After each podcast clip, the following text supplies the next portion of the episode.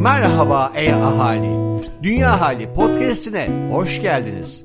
Burada sadece iklim krizinden değil, havadan, sudan da konuşuyoruz. Yuvamız, dünyamızdan bahsediyoruz. O zaman e hadi başlıyoruz. Selam dünyalı. Ben Zafer Kızılkaya. Bugün Dünya Hali bültenini sizlere ben seslendireceğim. İlk bültenimiz Çağla Fadıllıoğlu'ndan İklim Masası. Dünyada gıda güvenliği ve beslenme durumu. Birleşmiş Milletler Gıda ve Tarım Organizasyonu tarafından Dünyada Gıda Güvenliği ve Beslenmenin Durumu 2022 raporu yayımlandı. Açlık, gıda güvenliği ve yetersiz beslenme sorunlarında her alanda küresel olarak gerileme olduğuna dikkat çeken raporda öne çıkan bilgiler şöyle. Geçtiğimiz yıl dünyada her 10 kişiden birisi açlıkla mücadele etmek zorunda kaldı. Açlık sorunu ile karşı karşıya olan kişi sayısının en fazla olduğu kıta ise Asya. Açlık sorunu yaşayan nüfus oranının en fazla olduğu kıta ise Afrika.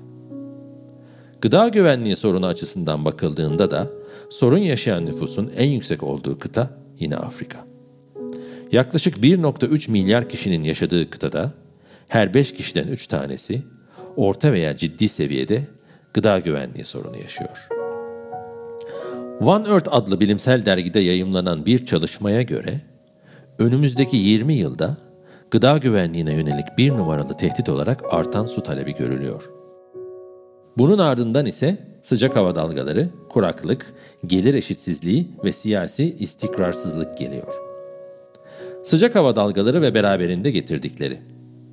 Nature adlı bilimsel dergide yayımlanan son bir çalışmaya göre Avrupa'da oluşan sıcak hava dalgaları Kuzey yarımküre orta enlemlerinin geri kalanına kıyasla 3-4 kat daha hızlı artışta. Küresel ısınma ile beraber jet akımında oluşan değişiklikler bu durumun gelişmesinde önemli role sahip. Geçtiğimiz hafta Avrupa'da görülen sıcak hava dalgaları birçok bölgede rekor sıcaklıkların görülmesine yol açtı. Sıcak hava dalgaları paralelinde görülen en önemli sorunların başında kuraklık, yangınlar ve elektrik kesintileri geliyor. İtalya'da normallerin altında gerçekleşen yağışlar, alışılmadık derecede şiddetli sıcak hava dalgaları ile birleşince kuraklık son 70 yılın en kötü seviyesine erişti. Bunun yanında toprak neminin azalması ve sıcaklıkların artması ile beraber Akdeniz bölgesinde yangınların da şiddeti artıyor. İklim değişikliği yangın açısından çok önemli bir risk faktörü. Öte yandan yangınların çıkışını ve yayılmasını önlemek hala insanların elinde.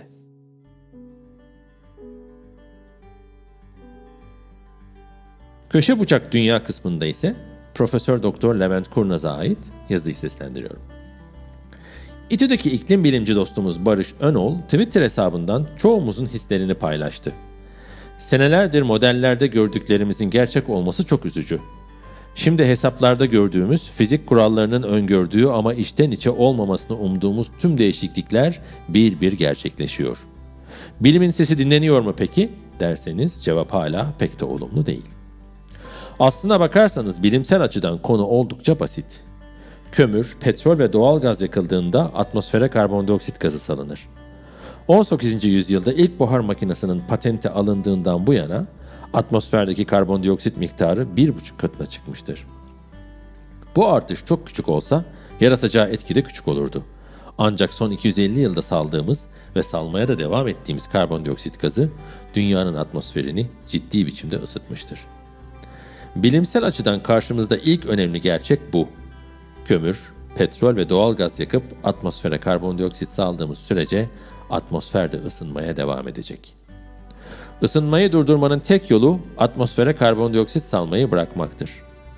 İkinci önemli nokta da karbondioksitin yapısından kaynaklanıyor.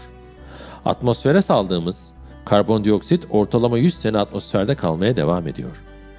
Bu şu anlama geliyor. Bugün dursak bile şu anda yaşadığımız doğa olayları, ısınma ve seller bir anda eski haline dönmeyecek. Yapabileceğimizin en iyisi durumun çok daha kötü olmamasını sağlamaktır. Böyle devam edersek ülkemizi neler bekliyor derseniz, bu yüzyılın sonunda bölgemizdeki iklim kuşaklarının 6 derece kuzeye kayabileceğini söyleyebiliriz. Bu şu anlama geliyor, 36 derece enlemi çevresinde bulunan Antalya, Adana, Urfa çizgisinin iklimi 42 derece enlemi çevresinde olan İstanbul, Samsun, Rize çizgisine kayacak. Antalya, Adana, Urfa çizgisinin iklimi de bugün 30 derece nemi çevresinde olan Kahire, Basra gibi olacak.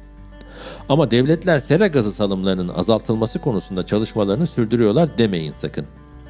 Devletler bu konuyu konuşmaya ilk olarak 1992 yılında başladılar. Aradan geçen 30 sene boyunca sadece konuşuldu ve ciddi bir adım atılmadı. Yakın zamanda da atılmayacak. Paris Anlaşması küresel ısınmanın 1,5 derece ile sınırlanmasını öngörüyor. Ülkelerin bunu başarmak için verdikleri taahhütlere bakacak olursak, herkes verdikleri sözü tutsa bile yeryüzünün ortalama 2,5 derece ısınacağını görüyoruz. Hesapları görünce üzülüyoruz ama elimizden bir şey gelmiyor. Tek yapabildiğimiz olabildiğince yüksek sesle uçuruma doğru gidiyoruz diye bağırmak oluyor ama o da günlük hayatın koşuşturmacası arasında kaybolup gidiyor. İlham veren girişimler Yeşil İş Ödülü finalisti Lindos.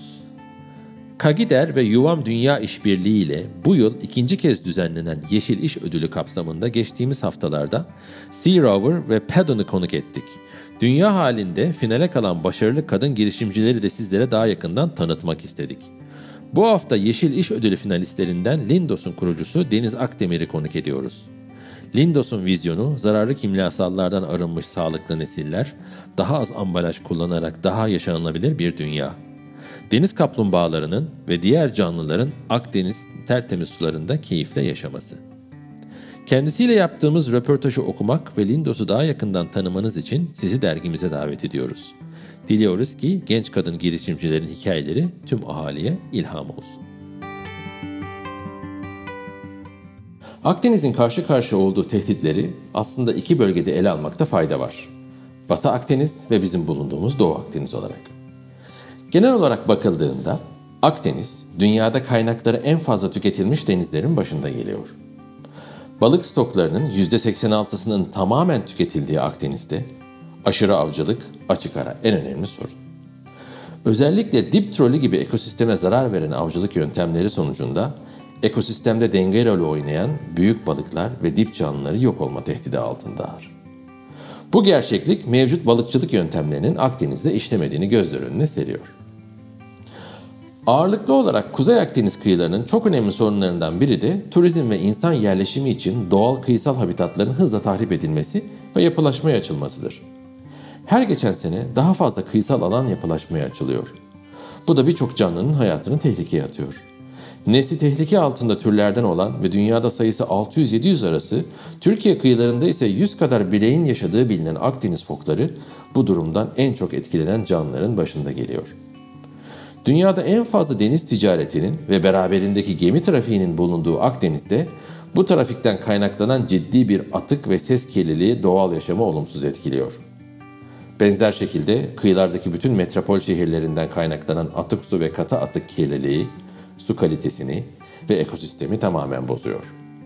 Bunun yanı sıra su ürünleri yetiştiriciliği Doğu Akdeniz'e kaydırılmış bir aktivite olarak yarattığı aşırı kirlilik sorunlarıyla Türkiye ve Yunanistan kıyılarında ağır tahribatlara yol açıyor.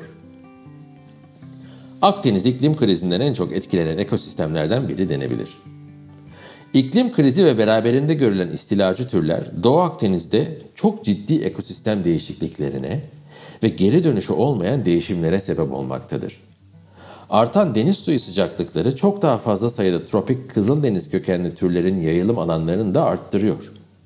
Her sene artan kızıldeniz kökenli balık türleri yerel türlere baskın çıkıyor ve özellikle uzun dikenli deniz kestanesi gibi omurgasız canlılar ekosistemi tamamen değiştirebiliyorlar. Akdeniz Koruma Derneği olarak kıyılarımızın yeni türlere yönelik yeni balıklar projesini yürütüyoruz. Bu proje ile yeni balıklar arasında yer alan yenilebilir türlerin sofralara taşınmasını sağlayarak ekosistem üzerindeki baskıların azalmasını ve küçük ölçekli balıkçıların bu türlerden gelir elde etmesini amaçlıyoruz. Aynı zamanda Akdeniz dünyadaki bütün okyanuslardan 4 kat daha fazla ısınıyor. Bu beraberinde deniz suyu sıcaklıklarının artmasını getirmekle beraber diğer türlerin de kaçamayacak türlerin mesela süngerlerin, mesela mercanların ısınan sularla beraber zamanla kaybolması demek oluyor. Akdeniz'de yeterli deniz koruma alanlarının olmaması ve olanların da yeterli denetlenememesi Akdeniz'deki en büyük eksiklik ve tehdit diyebiliriz. Şu anda balıkçılığa kapalı koruma alanları bütün Akdeniz'de yüzde birden bile az. 2030 yılına kadar hedeflenen rakam ise yüzde on. Deniz koruma alanlarının ilan edilmesi sonrasında doğru bir şekilde uygulanmasıyla başarıya ulaşmak mümkün. Akdeniz Koruma Derneği olarak Türkiye'de bulunan deniz koruma alanlarında uyguladığımız deniz koruyuculuğu sistemi ile alanların başarıya ulaşmasına destek olmaya çalışıyoruz.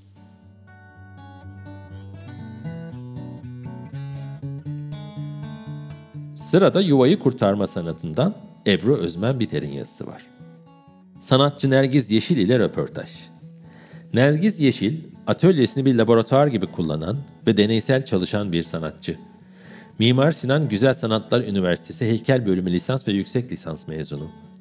Yüksek lisans tezi ise sanat yapıtında biyolojik materyal kullanımı başlığı ile biyosanat üzerine. Nergiz yeşil sanatı için kullandığı malzemeleri kendisi üretiyor.